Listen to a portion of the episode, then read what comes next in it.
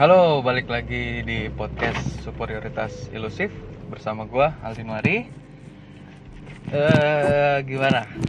Udah masuk September, apa yang terjadi di 1 September lo?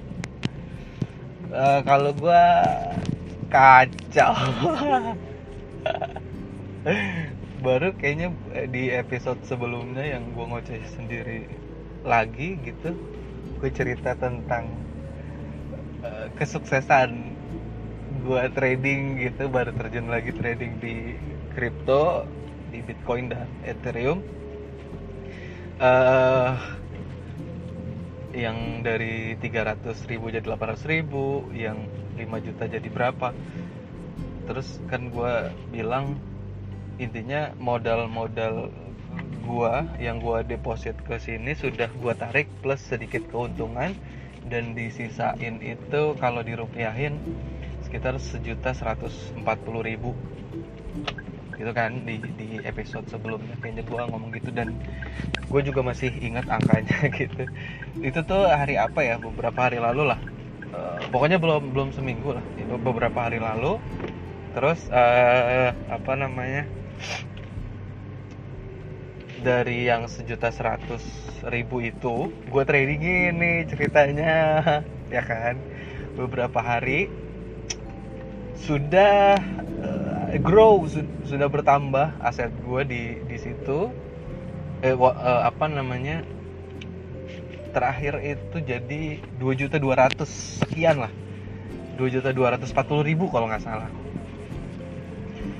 Hampir dua kali lipatnya kan? Ya kan? Iya terus tadi 1 September luar biasa. Eh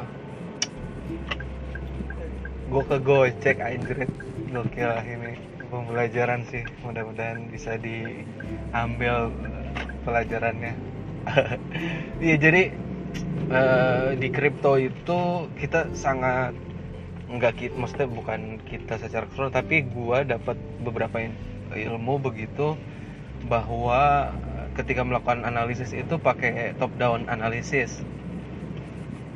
Jadi dari time frame yang lebih besar ke time frame yang lebih kecil. Time frame besar itu kita melihat eh, gambaran secara lebih besar bahwa oh ini arah harga mau ke mana gitu kan. Nah karena tadi adalah closing candle monthly eh, candle bulanan gitu gua udah analisa. Ah shit man. Gua udah analisa bahwa eh, candle monthly-nya ditutup dengan candle hijau which is bullish gitu. Kalau bahasa temen gue Kurnia chip temen gak juga sih. Eh, rekan sesama trader kalau Kurnia bilang eh, bentuknya itu lightsaber jadi apa namanya kayak kayak pedangnya saber itu. Jadi intinya sih ke kemungkinan besar ketika misalkan candle sebelumnya misalkan trennya itu bullish naik begitu terus kemudian ditutup pakai candle eh, lightsaber tadi dengan eh, warna hijau juga itu biasanya melanjutkan tren which is naik gitu kan. Dan setiap penaikan itu kadang kan kita butuh retrace dulu untuk cari pijakan untuk naik lebih jauh gitu. Nah, gue sudah analisa nih ada pattern kan top down analisis lah ya dari candle eh, bulanan kemudian ke mingguan ke harian. Gua analisis nih set sampai ke candle satu jam tadi. Gua analisis set set oh nih eh, patternnya kayak gini ini akan jebol turun. Tadi tuh sekitar di harga 11.600 an lah. 11.670-an gitu ya pagi-pagi. Terus gua analisa dan sebagainya pattern ini akan jebol ke bawah sampai ke 11.500 eh, 40 sampai 50 kalau kalau analisa gua. Terus gue ngobrol nih sama temen gue sesama trader juga. Emang eh, ya, memang guanya belum fokus sama analisa gue sendiri gitu. Eh, bahwa apa namanya oh ini hati-hati dibilang hati-hati pak. Eh, apa namanya udah ya pokoknya hati-hatilah kalau mau ngelong ngelong itu artinya beli. Terus bilang "Eh, ah enggak ah kayaknya tetap akan naik walaupun turun dulu. Terus akhirnya gua long. Tapi sebelum turun kan. Terus long habis itu udah close eh, profit sedikit profit gitu. Habis itu gua karena ada influence tadi kayak gue jadi eh, kan turun tuh. Pokoknya turun ada rejection di area yang sudah gua tandain di 11.540-an sekian walaupun kalau weeknya bisa sampai 25 tadi. Terus eh gue ngelong. Abis itu gue close. Terus dia naik lagi. Terus gue pikir karena tadi ada eh, ada influence tadi gitu ya gue merubah bias gue yang tadinya bullish jadi bearish. Terus gue akhirnya short short itu beli. Arti intinya eh, kita akan profit ketika harga turun gitu. Eh gue short. Eh. Terus gue tidur kan karena tadi eh, semalam gue nggak tidur gitu terus tadi tidur. Dan kondisinya wah anjir malah beneran dong. Bias yang tadi pagi gue bener dan naik bahkan sampai 11.900 hampir 200 poin 200 dolar gitu kenaikannya hari ini. Ter- eh, jadi kalau di leverage trading itu kan yang pernah gue jelasin di beberapa episode awal gitu kan. Ada titik likuidasi, likuidasi. jadi kalau eh, harga mencapai ke titik tersebut maka uang kita gone gitu hilang semuanya. Dan gue mikirnya ah ini kalau gua walaupun nggak ada bilang dibilang nggak ada beban karena yang yang gue bilang eh, di episode sebelumnya bahwa aset gue yang ada di sini adalah hasil keuntungan. Sudah bukan modal jadi kayak eh, gue nggak nggak terlalu ada beban karena modalnya sudah gue amankan begitu. Cuman eh, loss segitu lumayan juga sih menurut gue yang masih trader kecil ini gitu. Jadi eh pokoknya tadi tuh hmm, apa namanya? Pas karena harga udah di 11.900an itu terus eh, apa namanya gue ngelihat titik resisten di sini nih yang sudah dijebol dan sudah di retest kalau eh, apa namanya harga akan benar akan turun maka dia nggak akan balik lagi ke sini. Kalau dia balik lagi ke sini maka ya kemungkinan akan melanjutkan trennya yang naik tadi. So, akhirnya gue bikin stop loss kan di situ untuk supaya ketika harga naik lebih tinggi ya udah gue udah menyetop kerugian gue di situ. Terus gue pasang stop loss tuh ceritanya di 11.932 which is itu kayak loss eh, 50% dari aset yang tadi. Gue bilang oke lah nggak apa-apa lah 50% masih eh, apa loss. Kemudian ada ininya lah ya apa namanya Hmm, setidaknya masih ada modal untuk bisa trading di selanjutnya. Nah set gua ceritanya udah pasang tuh di 32 harga naik dong ke 35,5 abis itu langsung turun lagi anjrit. Gue bilang iya jadi eh, apa ya kayak kadang tuh gue sama temen gue tuh berpikir ini anjir nih yang punya exchange tuh karena kan ya mereka udah ngelihat kan maksudnya ada ada ada pemikiran begini. Si exchange itu kan pasti punya aset juga. Kemudian dia juga pasti sudah memperhitungkan ketika eh, banyak yang untung walaupun bandar nggak pernah rugi ya tapi dia ini udah ngeliat terus kayak ah ini di ada bahasanya stop loss hunt gitu. Jadi memang biasanya ke kena kenain stop loss. Habis itu eh ya itu habis dari 35,5 habis itu turun lagi sampai ke terakhir tuh 88 maksudnya ke 9 935 terus ke 888 nah, anjir gue bilang cuman ngekenain stop loss gue doang habis itu turun. Terus habis itu dia naik lagi kan. Biasa kalau abis loss gede gue kadang suka nggak bener tuh emosinya. Jadi kadang kayak nggak melewati tahap analisa analisa lagi tuh. Uh, pokoknya tadi total loss itu sekitar 470 ribuan satoshi. Kalau dirupiahin ya 800 ribuan lah ya kalau nggak salah ya 800 ribuan terus akhirnya gue kan uh, karena tadi yang gue bilang ketika udah loss gede uh, eh bagi gue itu segitu gede ya. Nggak tahu kalau bagi yang lain.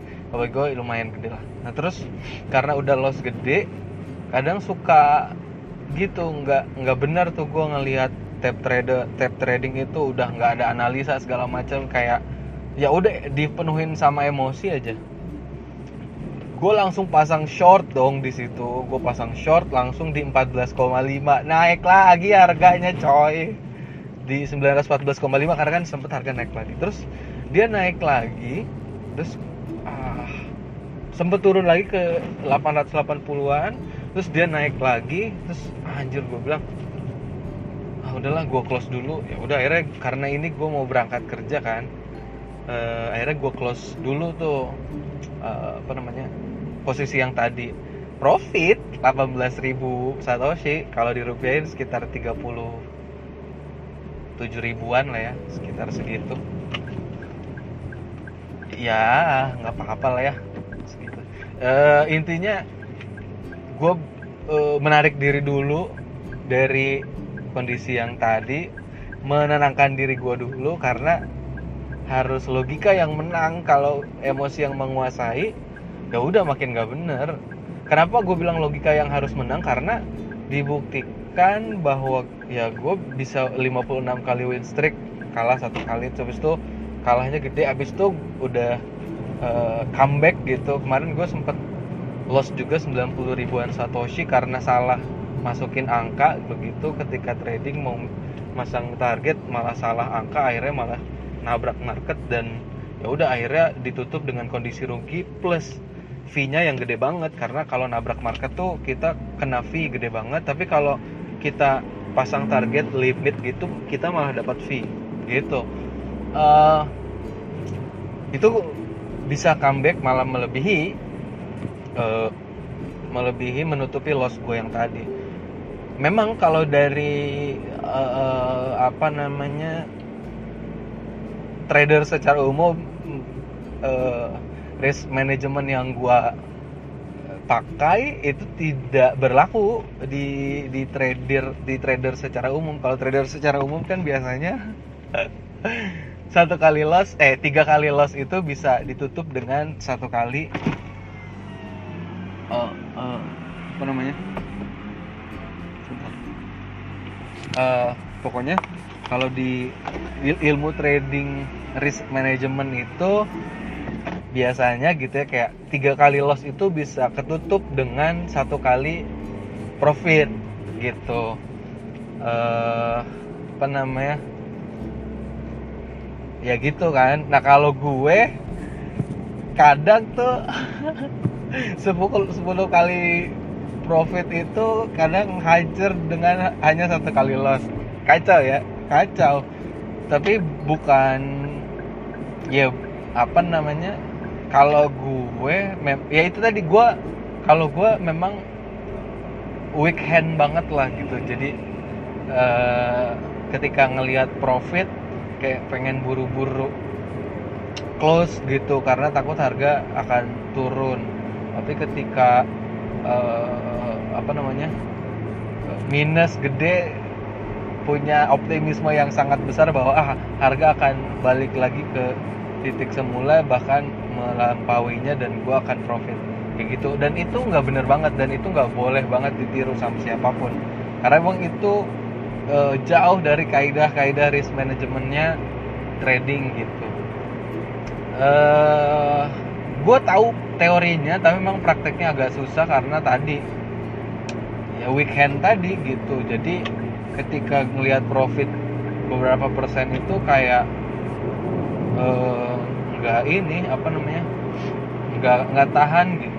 Karena gini uh, kalau di trading uh, di trading uh, leverage itu kalau kita pasang stop loss itu ketika hit dan kita harus bayar fee gede tapi kalau kita pasang limit walaupun di harga yang sama itu kita tetap profit walaupun sedikit. Karena ibaratnya kayak dapetin dari uh, apa namanya dari uh, fee-nya tadi gitu. dan itu ya nggak nggak bener sih. Maksudnya kalau secara kaidah umum teori risk management itu salah salah sekali.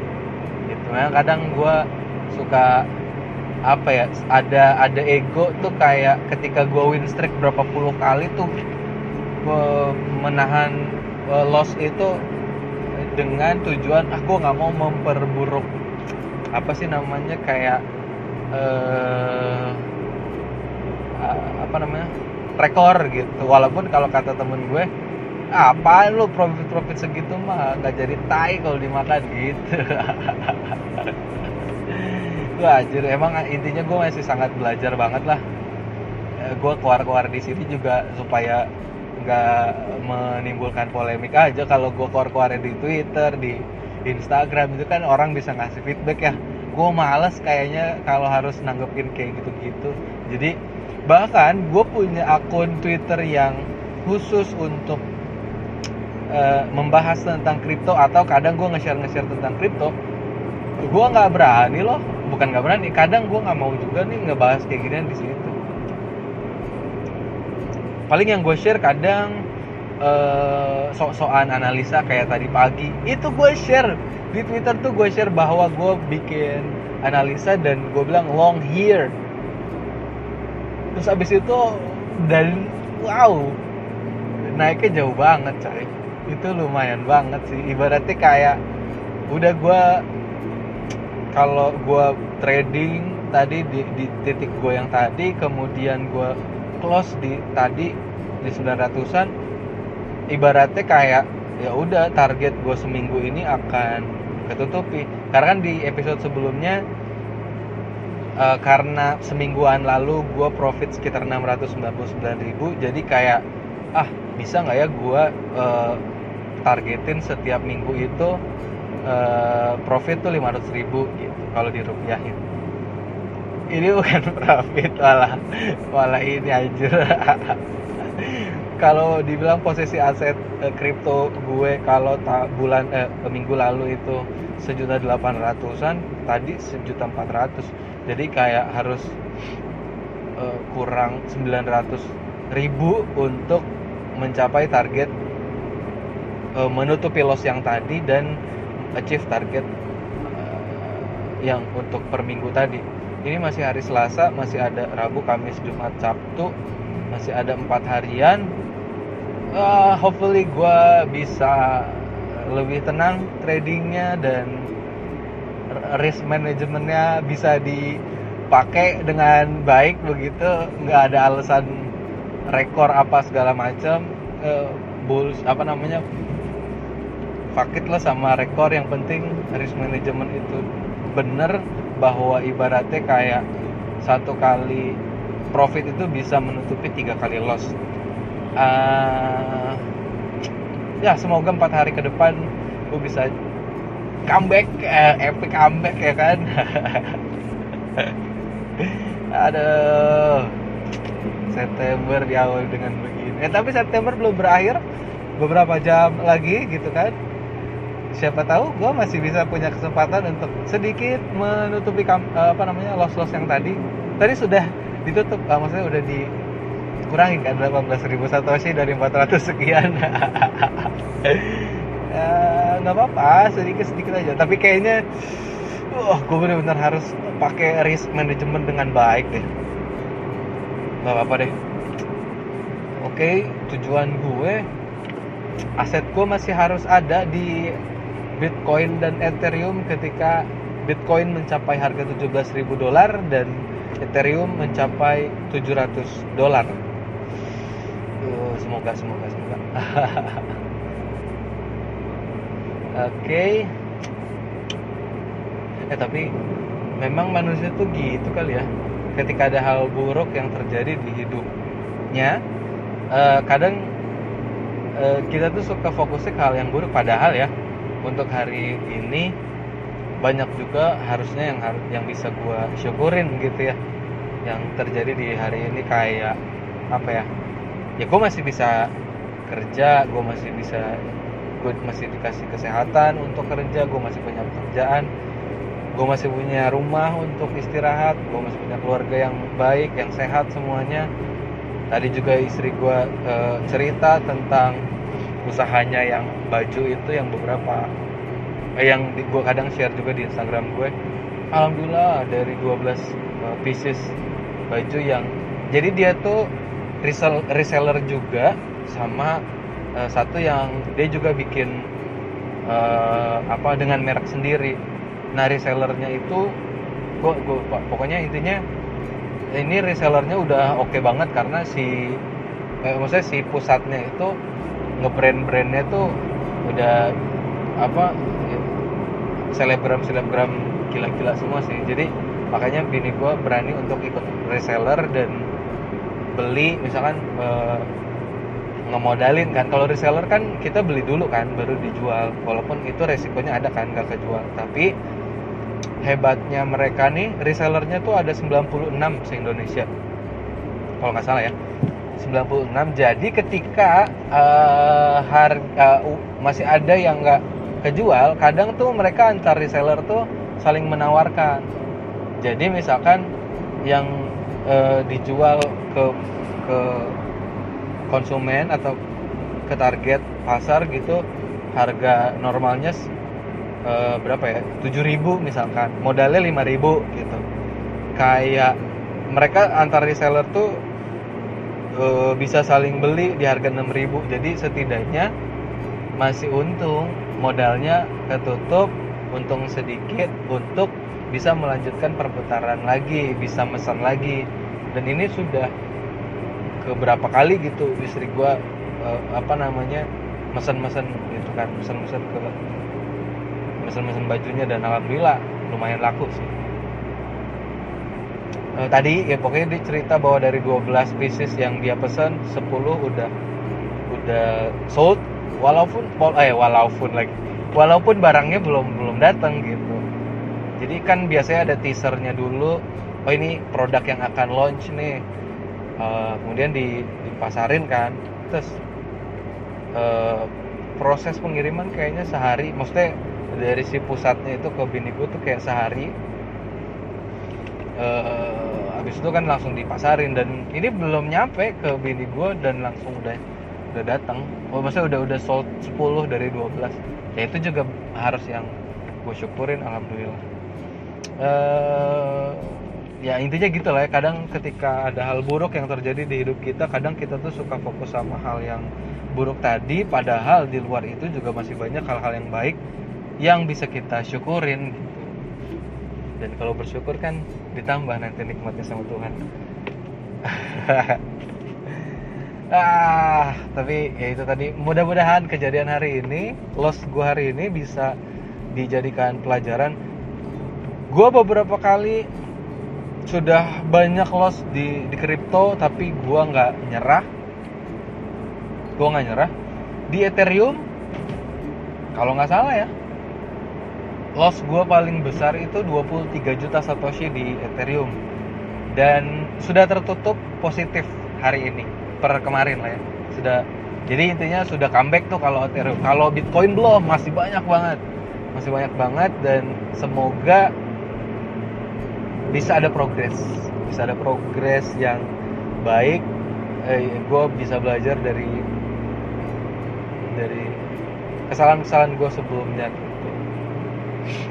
Uh, Oke, okay. oh ya, terus tadi juga hari ini uh, karena hari ini hari apa namanya hari kerja bursa buka gitu ya. Tadi bini gue kan uh, gue suruh beli apa nih beli apa nih? Terus kemarin kan gue di Stockbit itu Stockbit itu salah satu online trading apps uh, punyanya si Narmas dan mempunyai salah satu-satunya yang punya forum gitu.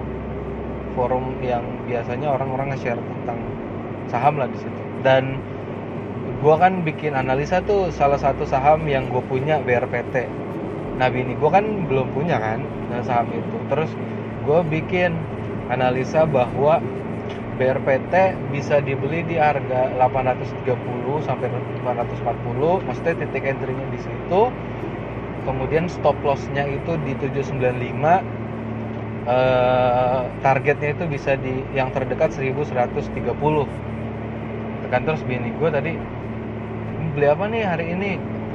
Tadinya gue mau nambah Aces. Karena Aces kan kemarin turun tuh dibanting pas IHSG dibanting. Tapi gue bilang ah enggak kayaknya uh, uh, masih oke okay nih Aces.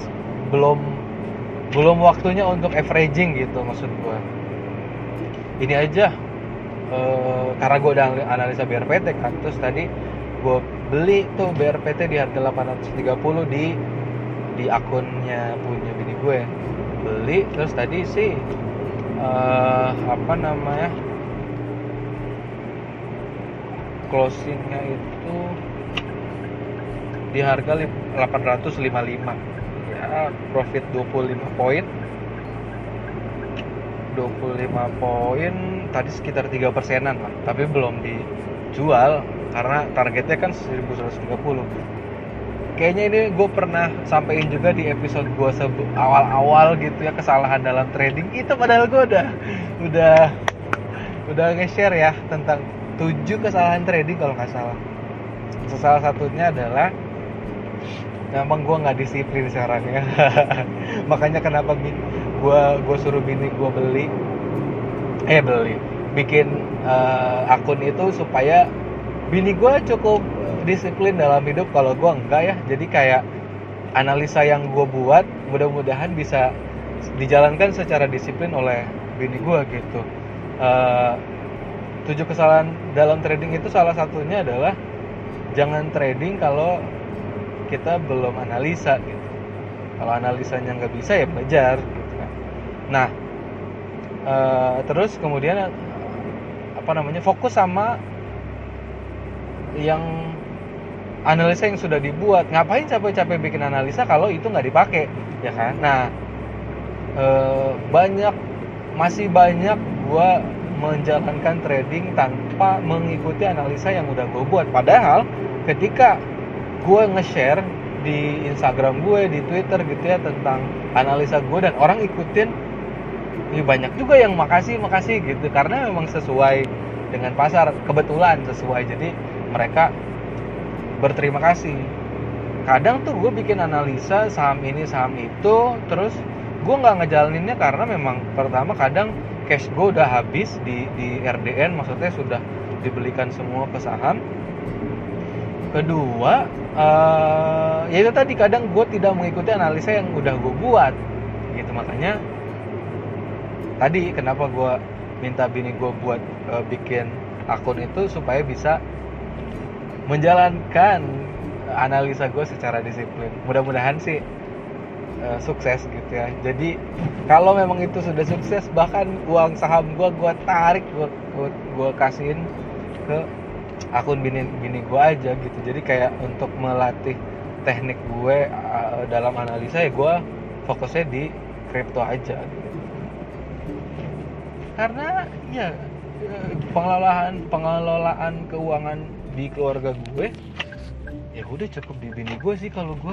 Bahkan gue tuh nggak nggak nggak banyak pegang uang cash loh. Iya kalau gue habis tinggal minta aja bini gue. Mungkin bagi sebagian laki-laki wah jangan lu masa lu nggak punya duit? Nanti kalau lu mau ke mana-mana sama uh, teman lu atau apa nggak punya duit kan juga malah jadi susah gitu. Ya kalau lu punya istri yang pelit sih?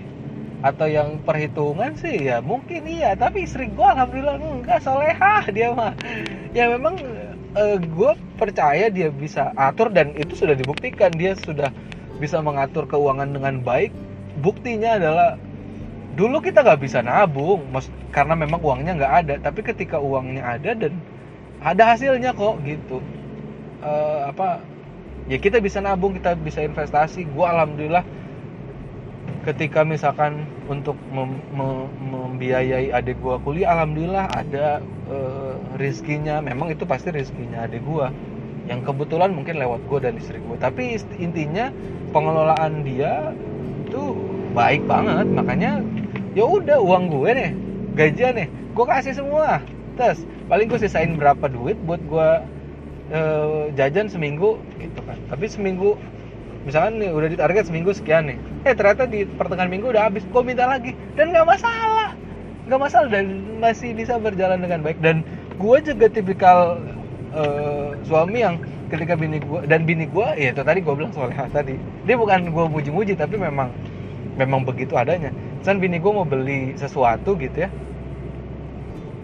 Uh, ya mau beli ini ya lah ya beli aja orang duitnya di kamu. Enggak kan aku bilang dulu iya udah beli.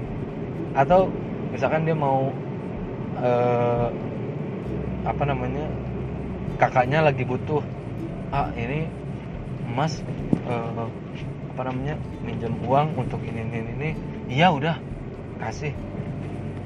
Ini mbak uh, butuh ini. Iya udah kasih.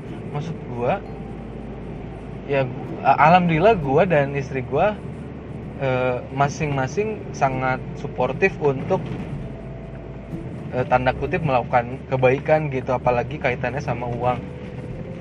Ya untuk saudara untuk kebaikan dan sebagainya ya nggak apa-apa lah. Yang penting tetap ada risk manajemennya juga di situ. Jadi yang dipinjamkan atau yang dipinjam juga nggak gede-gede amat. Yang seenggaknya ya nggak menghabiskan pers, apa tabungan gua dan sebagainya gitu. Masih bisa balik lah intinya masih bisa balik. Ya udah intinya intinya saling komunikasi aja gitu. Uh, apa lagi ya? Gua ada banyak banget ngoceh nih. Awalnya di didasari oleh emosi tapi gua biasa kalau udah ngomong kayak gini kayaknya udah lega gitu. Dan ya salah satu tujuan bikin podcast ini juga untuk itu ya untuk gue bisa mencurahkan apa yang lagi gue pikirkan apa yang gue lagi lagi rasain tanpa harus ada feedback dari orang-orang. Biarkan yang pun ketika mendengar ini dan nggak suka sama apa yang gue bilang eh, dia mau benci secara personal dan nggak ngomong-ngomong ke gue bodoh amat. Nggak peduli gue yang penting gue nggak tahu. Udah mudah-mudahan jadi eh, do eh, apa namanya jadi pahala buat gue kalau misalnya emang ada yang ngomongin gue kan yang penting gue nggak tahu gue nggak terpengaruh juga gue nggak perlu ada feedback emosi ya kan? Ya gue happy balik lagi ke podcast untuk yang episode kedua setelah gue vakum dua bulan ini. Uh uh, tadi gue sem eh tadi pagi kayaknya gue sempat sempat apa namanya de, uh, balas-balasan Twitter tuh sama salah satu temen gue. Si Ajeng. Ah mudah-mudahan sih bisa nih bikin podcast bareng dia. Kayaknya dia sekarang aktif di salah satu TV nasional deh. Uh, nah kayaknya nanti gue coba DM deh di Twitter minta nomor teleponnya kalau malam ini dia ada waktu dan gue kan ini biasa kalau gue masuk malam ada gue pakai waktu istirahat gue lah ya untuk ya itu tadi ngobrol aja. Ngobrol di via telepon aja via telepon mudah-mudahan nomornya juga telkomsel. Uh, mungkin itu dulu kali ya untuk kali ini thank you yang udah senantiasa mendengarkan. Terima kasih bye bye